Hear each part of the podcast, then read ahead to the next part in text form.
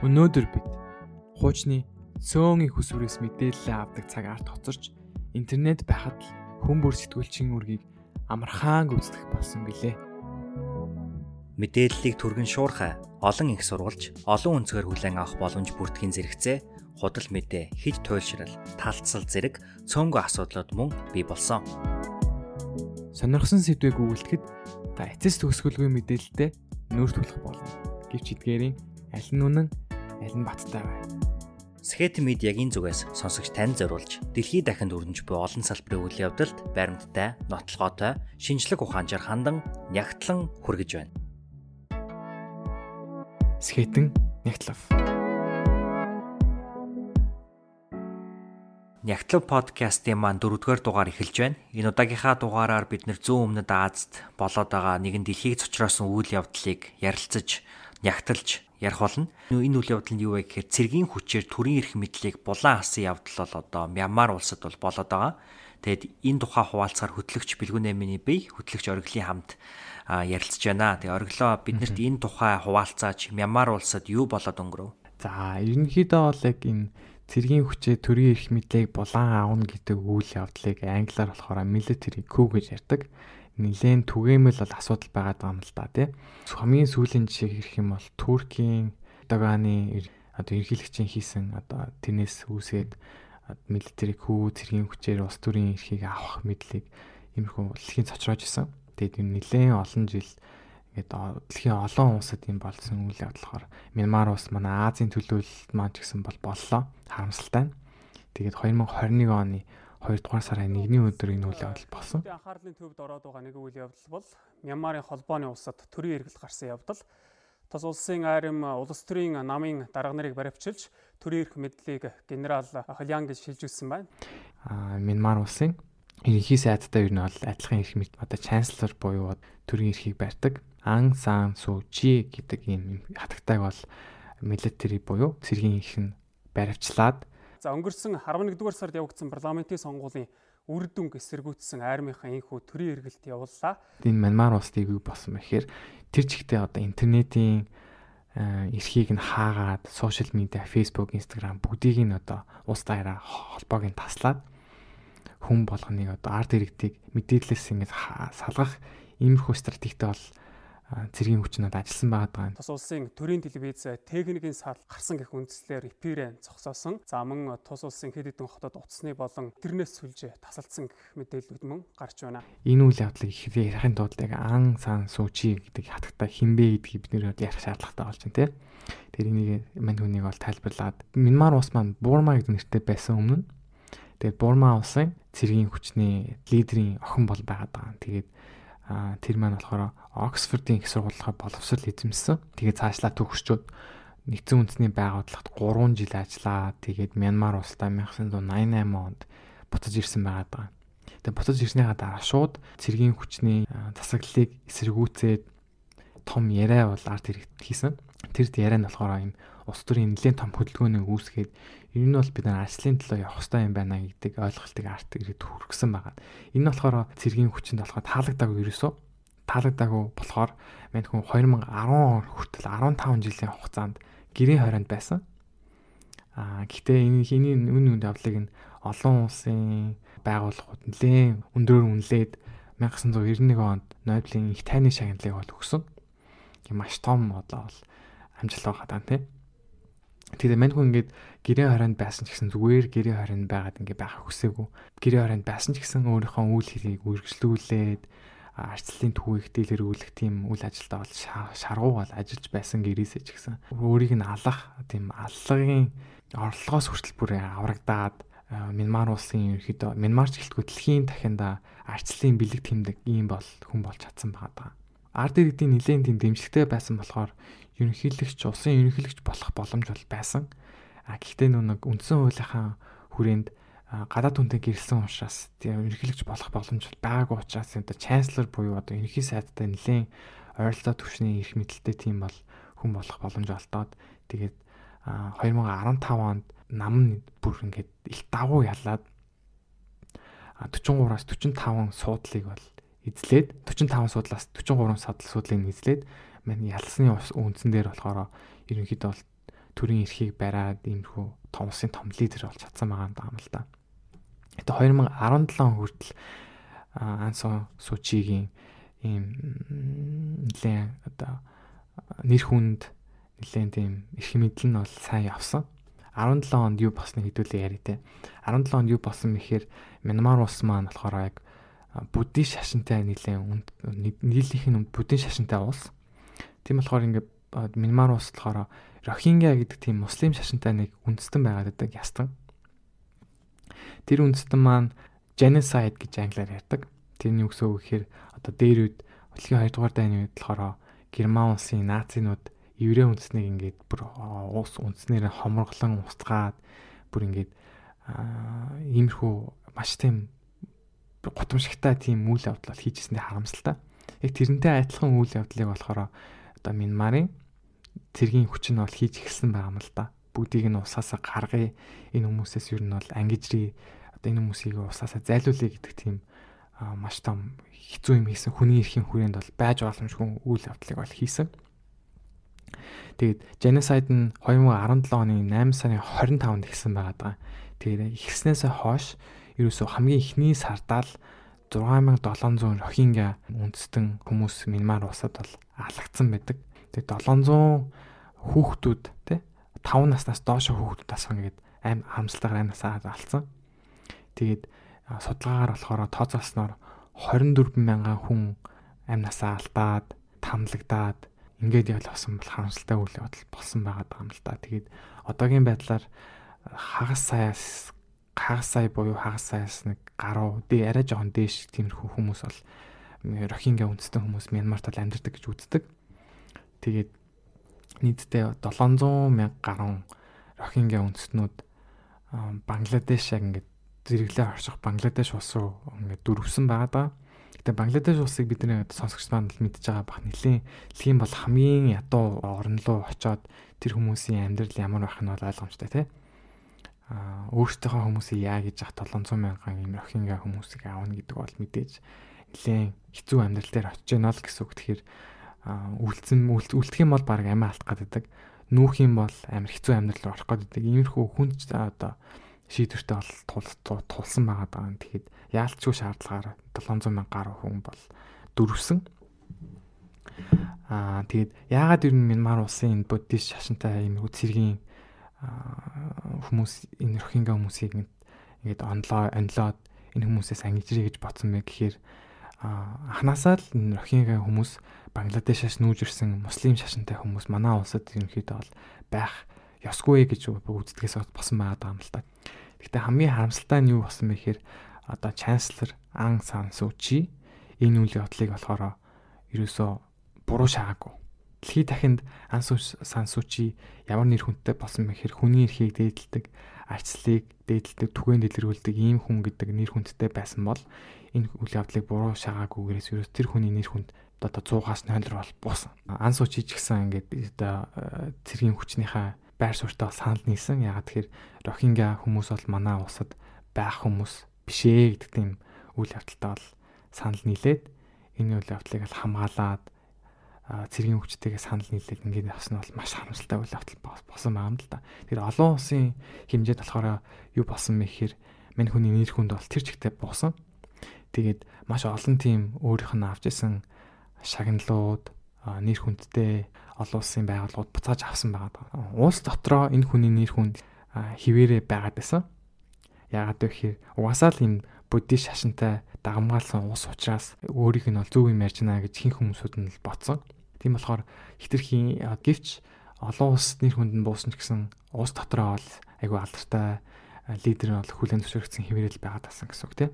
Одоо цэргүүд цэргийн хүч нь охингаа хүмүүсийг хомроглон устгахын сацуу одоо янз бүрийн хүчингийн хэрэг гих зэрэгээр хүний эрхийг зөрчих ноцтой зөрчих асуудал бол маш их байсан. Тэгээд тэг үүний талд үндсэрэг буддистууд бас байдаг.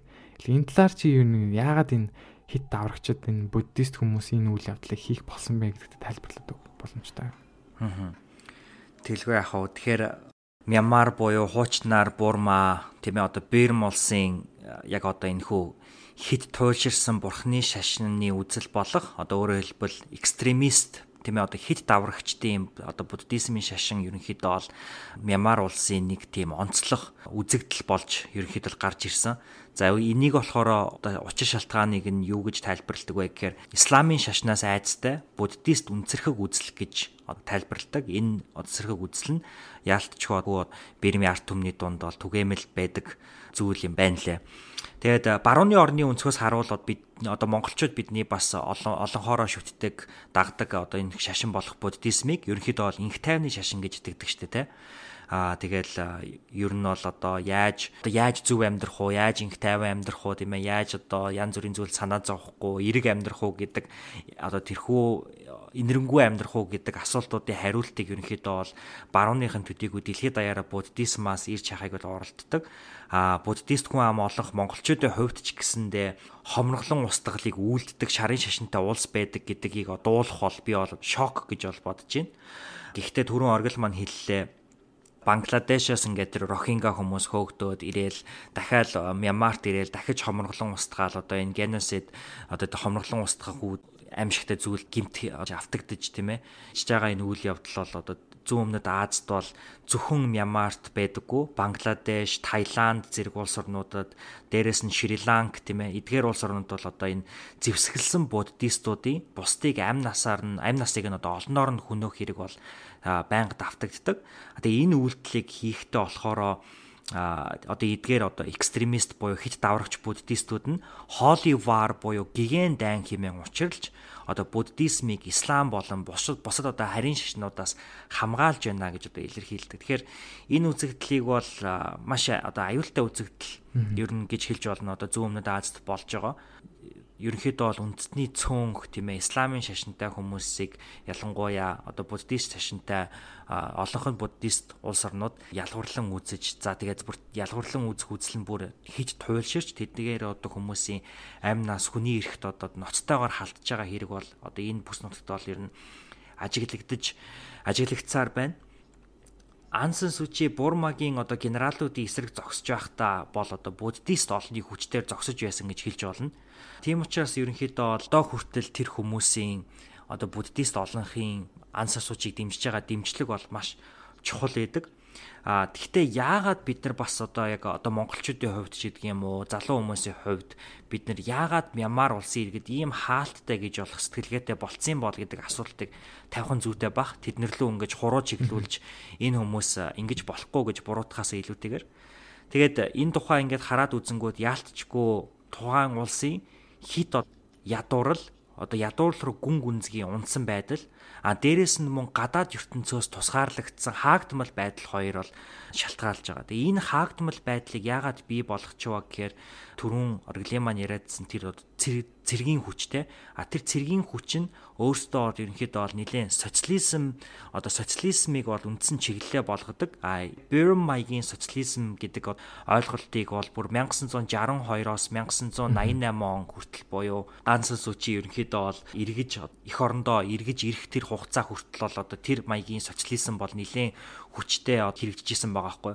А энэ үед бол мэдээж хэрэг одоо Монголын эдийн засаг нэлээд өөрсдийнхөө баялаг дээр тулгуурласан байдаг. Тэгээ тэрийг дагаад одоо хятадын эдийн засаг нэлээд сайжрахаар Монголын эдийн засаг сайжирдагтай адилхан а боримт ч гэсэндээ яг одоо ингэж цаашаага өөрсдийнхөө бүтээгдэхүүнүүдээ эдэг хятадаар дамжуулж гэдэг юм уу те бусад одоо социалист улсуудаар дамжуулж цаашаага зарж нилээн одоо хөрөнгөцсөн маш тийм одоо үеуд бол байдаг 1970-аад оны үед. А гэхдээ бусад үедээ бол яг үнэндээ Берми Артум бол маш одоо өрөвдөлтэй амьдралаараа амьдарч ирсэн. Дээрээс нь одоо тэр нөгөө цэргийн хүчийн хүчнийх нь хүмүүс бол тэр нөгөө буддизмын шашинтай. Өөрөөсдөө баг өгөгдмөл цаанаасаа өгөгдсөн бурхнаас заяагдсан цэрэг байх заяатай гэж өөрсдөө үздэг бүр ийм тийм аимшигтэй хүч одоо хүчтэй ихтгэл үнэмшилтэй ийм бүлэг хүмүүс бол байсан. Тэр хүмүүс нь тэгээд тэр их одж байгаа баялагын тэгш хуваарлтыг бол хизээч арт түмэндээ тэмцвэртэй хуваарлаагүй яг өөрсдийнхөө одоо тэр цэргийн зиндааны тийм ээ одоо цэргийн хүчнийхэндээ бол хамгийн их одоо баялагийг бол хуваарлж хамгийн баян тансаг амьдарч нөгөө талд нь ард иргэд нь бол гадаад ертөнцөөс хаалт хаагдмал маш одоо өрөвдөлтөй ядуу бол амьдарч исэн. Тийм ч учраас нөгөө маш их хэмжээний пропагандагаас болоод тийм ээ хүмүүс нь бол ингээ хаалттай бурхны шашныг бол одоо хамгийн чухал шашин гэж үздэг. Тэгээ нэлээ үнцэрхэг одоо ийм хаагдмал улс болж хувирсан байт юм лээ. Бурмийн Теравата гэдэг одоо Бирмийн Теравата гэдэг буддизмын чиглэл байдаг. Тэгээ энэ нь болохоор энэ арьс өнгөний мэдрэмжийг урайлж дүвийлгдэг, шашны давуу талыг магтан дуулдаг. Одоо яг энэхүү шашнаар одоо буддизмын шашнаар одоо энэ Burm хүмүүс хүн амын 60%-ийг эзэлт юм байна л да Мянмар улсынхаа. Тэгээ үлдсэн 40%-ийг нь болохоор бусад баг үндэстэн яснууд бол эзэлдэг. За энэ одоо 40% дотроо а нийтдээ Бирмийн засгийн газар албан ёсоор хүлээн зөвшөөрсөн 135 өөр үндэстэн ястан байдгийм байна. Тэгээд энэ болохоор одоо үндэстэн ясны цөөнхтэй. Тэгээ энэ үндэстэн ясныхаа цөөнхийг бас нийтд нь 8 бүлэг улсын үндсэн үндэстний арь сүнгүүдэд хуваадаг. Тэгэхээр өөрөөр хэлбэл улс нь өөрсдөө одоо race-ийг race тийм арь сүнгийг одоо зохиогоод энэ арь сүнгүүдэд энэ энэ хүмүүс одоо энэ энэ баг ястан энэ энэ үндэсний цөөхүүд хамаарагдана гэд ингээд хуваарлцсан байдаг. А энэ хуваарлтыг хийхдээ тэр улсын одоо тэр ард иргэдийн үндэсний цөөхүүдийн хоорондох одоо ажилд адил төсөөтэй одоо соёлын ялгаанууд одоо соёлын адил төсөөтэй байдлуудаас илүүтэйгээр зөвхөн газар зүүн хувьд нь ингээд хуваагаад авцсан байт юм байлаа. Тэгэхээр өөрөөр хэлбэл одоо энэ газар нутгийн хүмүүс нь ийм одоо арьс өнгөтэй, энэ газар нутгийн хүмүүс нь ийм арьс өнгөтэй гэдэг газар зүй географигаар хуваацсан байдаг нь айгүй сонирхол одоо хачирхал төрүүлсэн гэж хэлж болно. За тэгээд одоо тэр Рохинга хүмүүс тийм ээ. Рохинга хүмүүс бол ерөөсөө энэ 135 одоо үндэстний цөөн хүмүүсийн одоо нэг үндэстэн л байгаа. А гэхдээ түрүүн ориглын маань хэлжсэнээр одоо хагас сая гаруй хүмүүс бол тэнцээ амьдарч байна. Тэр хүмүүсийн бол ирэх одоо бол аимшигтай зөрчигдөж байгаа. Тэгээ энэ зөрчигдөж байгаа энэ шалтгаан нь эргээл одоо энэ цэргийн хүч а дээрэс нь одоо хит даврагч буддист үзэлтэй ламнар тийм ээ зевсгэлсэн буддист ламнар байгаа. А дээ дээрэс нь нөгөө оргил маань хэлсэн тэр ансан сүчи хизээч хийж байгаа аимшигтай үйлдэлээ бүлээн зөвшөөрж байгаагүй. Харин ч бүр ийм зүйл байхгүй. Бид нэр хүмүүсийн эрхийг зөрчөөгүй. Харин бид нар зөвхөн хариу үйлдэл үзүүлсэн. Тий муслим шашинтай муслим хүмүүс одоо зевсэг хэрэгэж биднэрлүү дайрсан. А тэрэнд нь бид нар хариу үйлдэл үзүүлсэн. Тэрнээс ч бид нар одоо хүмүүсийн эрхийг зөрчөөгүй гэж одоо үгүйсгэж ийсэн тийм байгаа. Тэгэхээр бол одоо ингээд хит хитэн зүйлүүд дээд энд бол хүмүүсийн эрхийг аимшигтайгаар зөрчиж байгаа хэрэг бол Мямар улсад бол ажиглагдсан байгаа. Манд хүн ерөнхийдөө анс ус суучи маш тийм үнэр хүндтэй улс төрж энэ хөл лидер байж байгаад яаж агаад өөр хүнийх нь нэр хүнд нь ингээд буугаад одоо их мэдлэн ингээд багасч байгаа. Юунаас бодлоо ингээд багасч байгаа гэдэг яриад өгч. Аа. Мэдээч хэрэг дэлхийд дахинд бол ансан сүчигийн нэр бол нилээн одоо муудсан гэд оргил маань хэллээ те том том шагналуудыг ингээ буул буцааж авдаг ч юм уу тэр шагналуудыг нь ерөөхдөө бол бас гүйсгэж байгаа. Гэхдээ дотроо л одоо хүртэл өнөөдөр сүүлд 1 2 сарын 6-ны өдрөөс ахуулаад өдөр болгон ямар ус чагсаал болж байгаа. Тэгээ энэ хүмүүс болохоор лидерээ одоо буцааж авмаар байна те анс асуучийг буцаагаад одоо шоронгоос гаргаач гэдэг юм уу иймэрхүү шаардлагуудыг бол тавьж гин. Уул нь бол айдас бол маш өндөр зэгтэй байгаа. Гэхдээ хүмүүс бол үнэхээр зөрөгтэйгээр ярьж одоо гарч ирж гин Тэгэд энэ нь өөр юу хэлж ийн гэхээр ард иргэдийнхаа дунд буюу тэр одоо нийгмийнхаа улсынхаа олонхын дунд бол анс сууч бол нэр хүндээ ерөөсөө алдаагүй. Тэгээд тэр нэр хүндээ алдахгүй тулд бас магадгүй тэр үндэснийхаа цөнхийг золионд нь гаргасан гэж ерөнхийдөө бол ойлгож байна. Тэгээд тэр золионд нь гаргаж байгаа хэрэг нь дэлхийн бусад улс орнууд тийм ээ дэлхийн international community буюу одоо олон улсын байгууллагуудын хамт олон ерөнхийдөө бол анс сүчийг бол нэлийн сэтгэл гонхилсан гэх юм уу те тэр өнд одоо ихтгэл алдарсан байгаа. Ер нь цаашдаа Мянмар улсын ард иргэдийн хувь заяа. За тэгээ Ан Сан Сүү Чи гэдэг энэ бүсгүн хувь заяа хаашаа яаж ирэх гэж байгаа гэж ер нь ажиглагдчихэв байна. Энэ яагаад энэ military coup анханасаа болох болов гэдэг хэдүүлээ бас нэг товчхон дурдаад өчөө зүгээр юм болоо гэж бодож байна. Тэгээ юу гэсэнгээр одоо яг одоо цэргийн лидер Мин Аун Лан гэдэг иймэрхүү хүн байл байсан лидер байдаг. Тэгээ энэ хүн болох ерөөсөө ерөөхдөө л Ансон Сужитэй сайн харилцаад бол анханасаа байгаагүй. Тэр ийм байгаагүй учраас энэ яг юу болсон бэ гэхээр энэхүү military coup буюу энэ цэргийн одоо их мэдлийг авах өрнөөсөө л энэ хоёр хүний хоорондох дайсагналаас үл босон л гэсэн ерхийдөө. Тэгэд энэ сая сүлд болсон сонгуулаар анс суучгийн нам бас нэлээд ил дагмгүй ялсан. Энэ ялтанд болохоор энэ цэргийн лидер маань тийм айгу сэтгэл дундуур бол байсан. дундуур байсан бас нэг нэмээд энэ анс суучийг хүчээр нэмэх нэлээд нэмэгдэх юм байна гэсэн айдтай байсан учраас за би нэм хийхгүй бол болохгүй юм байна гэдэг энэ саний цэргийн энэ их мэдлэг авах үйл явдлыг хийлээ л да тийм. Тэгэхээр ерөнхийдөө яг ерөнхийдөө ингээд хараад хахад Мянмар улс нэг нэг айдтай хүн хүн ард иргэдэнд айдас бол байгаад байгаа юм байна л да. Тэр хүм нэлээд олон хүмүүс одоо Facebook дээр өөрийнхөө одоо цэргийн одоо их мэдлийг сүмжилсэн постуудаа ингээ устгаад эхэлсэн юм байна л да. Ягаад тэгэхээр ингээд тэр пост нь байх юм бол дараа цэргийн их мэдлэлтнүүд тэр хүмүүсүүдийг баривчлаад одоо гимт хэрэг тохох иймэрхүү үйл явдал болж магадгүй гэдэг уснаас бол нэлээд хүмүүс бол айдтай байгаа. А гэхдээ бас нэлээд олон хүн адилхан бас ууртай байгаад байгаа юм байна л да. Юу босон дээр одоо бол болж тэр арчлал энэ байх хэвээр энэ ус байх хэвээр гэдэг үндснэл дээр нэлээд олон хүмүүс одоо гудамжинд гараад эсэргүүцээд чагсаал цуглаан хийгээд юм байгаад байгаа юм байна. Гэхдээ энэ хүмүүс маань цэргийн одоо хүчтэй тулгараад хүчинд орсон одоо орст болж байгаа үйл явдалтай адилхан байдалтай ингээд задуулаад шоронд орох нь орно ороод ингээд явж байгаа юм байна л да. Тэгээд бас нэг сонирхолтой юм юу болсон бэ гэхээр ан сучигийн одоо шоронд орох шоронд орох иймэрхүү үйл явдлыг энэ яг ямар гимт хэрэг хийсэн юм гэхээр хамгийн сонирхолтой нь гадаадаас 10 ширхэг walkie talkie буюу ингээд станцаар ярьдаг штэ ингээд бид нар ингээд хөдөө явахдаа сүлжээгүй газар чи хуцаа станцаар ирдэг 10 ширхэг walkie talkie гаднаас оруулж ирсэн гэдэг үндсэн дээрээс ерөнхийдөө шоронд орсон юм байна л да. Тэгэхээр 3 жил буюу түүнээс дээш хугацаанд шоронд орох магадaltaй гэж одоо шүүхийн үзээд байгаа юм байна. Тэр маш сонирхолтой бод одоо 10 ширхэг юм оруулж ирэл ийм гимт хэрийг тогтно гэдэг бол аваа цаанаасаа л ийм явуулгын юм ажил гэдэг нь ил харагдаж байгаа байхгүй. Оросын тухай ярьсан нэвтрүүлэг дээр гарсантай их адил төстэй үзэгдэл сонсогдож байна те. Тийм, тийм, тийм, тийм, тийм. Дарангуулагч ямар их мэдл гарахаар юу болдгоо гэдэг харагдаад байна л да ингээд давтагдаад. Тэгэд одоо Америкийн шинэ ерөнхийлөгч Байден, Жо Байден болохоор энэ үйл явдлыг бол буруу шагаад ийм бол байж болохгүй гэдэг ийм бол байр суртаа байгаа учраас санкшн буюу юм эдийн засгийн хариу арга хэмжээг авъя гэдэг бол байдалтай байгаа. Гэхдээ бол тэр цэргийн их мэдлэлтэнд бол энэ төр бол угаасаа тоохгүй байдалтай байгаад байгаа. Хамгийн сүүлийн би чамаас нэг яг яагаад дүр Мянмар улсын арчлал чухал юм бэ гэдэг талаар би чиний байр суурийг авмаар байна. Тэгэхээр яг энэ ташрамд ориглын төрөний хэлсэн санааг би дахин дахин тодруулж, томруулж хэлхийг хүсэж байна. Дарангуулал ямар аюултай вэ гэдэг тийм ээ. Тэгэхээр бол энэ бол яг одоо адил төсөөтэй дарангууллууд бол энэ тэнд дэлхийн энэ тэнд бол харагдаж байна. Тэ шүүх засаглалын байгууллагаар дамжуулж хүртэл одоо хэрхэн улс төрийг хөдөлгөж байна, хэрхэн улс төрийн одоо замыг өөрчилж чадчихна гэдэг бол үнэхээр аюултай. Тэгэхээр улс төрийн хүчний баланс алдагдахад ямар эрсдлүүд гардгийг ол одоо энэ сүүлийн одоо Америкийн жишээнээс ч харж болж байна. Оросын холбооны улсын жишээнээс ч хэдүүлээ хамтдаа харлаа. Одоо ингээд зүүн өмнөд Азийн жишээнээс бас дахиад харж байна.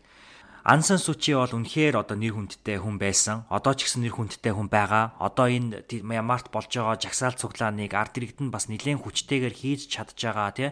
Маш айдас хүйдэс дээд зүгтад тулцсан байгаа энэ цаг үед энэ хүмүүс хөдөлж чадж байгаа бас нэг учир шалтгаан нь тэр улсын яалтчгүй бас нэг одоо хүн дэлхийд даяар тэр хүнийг илэрхийлэх чадвартай тийм хүчрхэг нэр хүндтэй гэж тэр ард иргэд нь итгэж байгаа учраас бас зөрөгтэй байгаа гэж бол би бодож байна.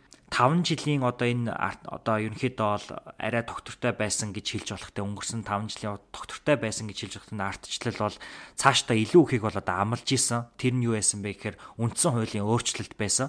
Тэгээ оргил мансаа хэллээ. Үндсэн хуулийн өөрчлөлтөөс цэргийн хүчнийхэн бол айгаад ингэж илүү хүчийг а нөгөө талд цэргийн хүчнээс булааж авчих үедээ гэдэг айдсаас болж одоо цэргүүд бол ингэж орж ирлээ гэж ерөөхдөө бол бид нар ойлгож байна зарим улс төр судлаач нар бол одоо энэ ансан сүчигийн хүний эрхийг ноцтойгоор зөрчиж байгаа зөрчиж байсан энэ үзэгдэл нь Тэд чирэг маш одоо эмгэнэлтэй зүйл. Энийг бол хизээч зүгээр өнгөрөөж болохгүй.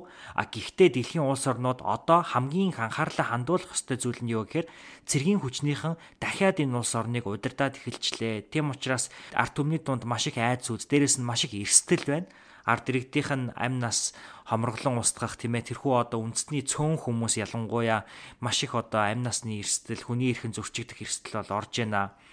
Тэгэхэд эргээгээд бас Ансан Сучигийн Монголд ирж исэн түүхийг хэдүүлээ нэг эргээд санах юм бол 2013 онд Ансан Сучи бас Монгол улсад нэг томоохон хурдлын үеэр бол ирж исэн.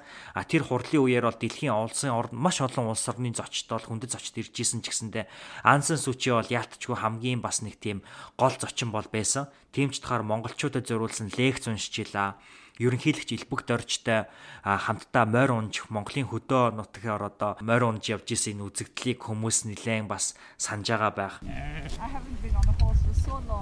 A. Also, also you would like to make it bit faster. Okay, now I think we can get dismount. А тэр үед болохоор Ансан Сүчи Монголд ирээд нэг үгийг хэлж исэн нь Монголын улс төрд бол нилээн мөр үлдээсэн үг болж хувирж исэн. Тэр нь болохоор дүр эсгсэн артчлал дарангуулаас илүү хортой гэж ингэж бол хэлж исэн байдаг. Тэгэхээр бол артчлалыг үнэхээр зөв цутгаж чадаагүй артчлалыг бол үнэхээр маш сайн тал талаас нь тийм ээ нэг талд одоо хүчийг хит төвлөрүүлэхгүйгээр хүчний балансыг зөв хадгалж чадахгүй бол дарангуулаас ч илүү хортой байдаг гэдэг санааг бол илэрхийлжсэн байх гэж одоо бодож байна те. Гэхдээ яг тэр үгэндээ бол одоо ингээд Мянмар улс л өөрсдөө бүдрээд унж байгаа энэ үзэгдлийг бол харж байна тийм. Тэгэхээр миний бодлоор одоо залуу хүний хувьд Монгол улсын иргэн хүний хувьд юу гэж харж байна гэхээр Монголын ардчлал бол бас залуу ардчлал Гэхдээ Монголд бол маш олон авах зэнтэй соёл бол биднэрт байна. Бид нэр одоо 800 жилийн өмнө гүрэн байгуулж явахдаа дэлхий дээр хамгийн анх удаа ямар ч шашныг хүлээн зөвшөөрдөг тийм ээ нэг шашныг нөгөө шашнаас дээгүр доогор гэж үздэггүй бүх шашныг адил тэгш хүндэтгэн авч үздэг байсан. Энэ одоо эзэнт гүрнийг байгуулж ирсэн одоо ийм түүхтэй хүмүүс байгаа. Тэгэхээр зэрэг энэ түүхээ ч гэсэн одоо бид нэр хадгалж энийгаа үндснийхаа бас нэг онцлог болгож хадгалах ёстой болоо гэж залууныхаа залуу хүнийхээ хувьд бол би боддог. Хамгийн гол нь дарангууллаас хол бай, дарангууллын энэ үзэгдлүүдийг бид нэр таньж мэддэг бай те энийг ягталж ухаж ойлгодог бай гэж ерөнхийдөө бол хүмүүстэй эцэст нь урайлмаар санагдаж байна. Хориглоо чиний хувьд ямар сэтгэл байна эцэст нь хэлэхэд? Тийм миний ч гэсэн хувьд бол ерөнхийдөө бол чамтай адилхан бодолтой байна. Тэгээд энэ бол дэлхийд харагдлаа л да Бразилд, Оросын холбооны улсад одоо энэ Мянмарт манай Азийн төлөөлөл улсад ингээд ер нь дарангуул гэдэг юм бол ягаад ч сайн үр дүнд авчирдаггүй юм байна гэдгийг л харж байна те. Ер нь ингээд арчлал ямар чухал юм бэ? Манайх жижигхэн улсад арчлаа хамгаалах нь маш чухал юм байна гэдгийг баймаа дахин дахин сануулж байна. Тийм болохоор би та одоо сонсогчдоо ч гэсэн уриалах нь юу гэхээр ер нь бидний арчлаа яаж хамгаалах ёстой вэ? яаж бид нэр за ард иргэдийн хувьд залуу хүмүүсийн хувьд хувь нэмээ оруулах чадах вэ гэдгийг дахин дахин бодосоо л гэж хүсэж байна те. За нягтлаад бодох нэг сайхан асуултаар энэ нэвтрүүлгийг дуусгаж байгаа оргилдоо баярлаа. Тэгээд сонсогчтойгоо эргээд дараагийнхаа дугаараар уулзцгаая. За баяр та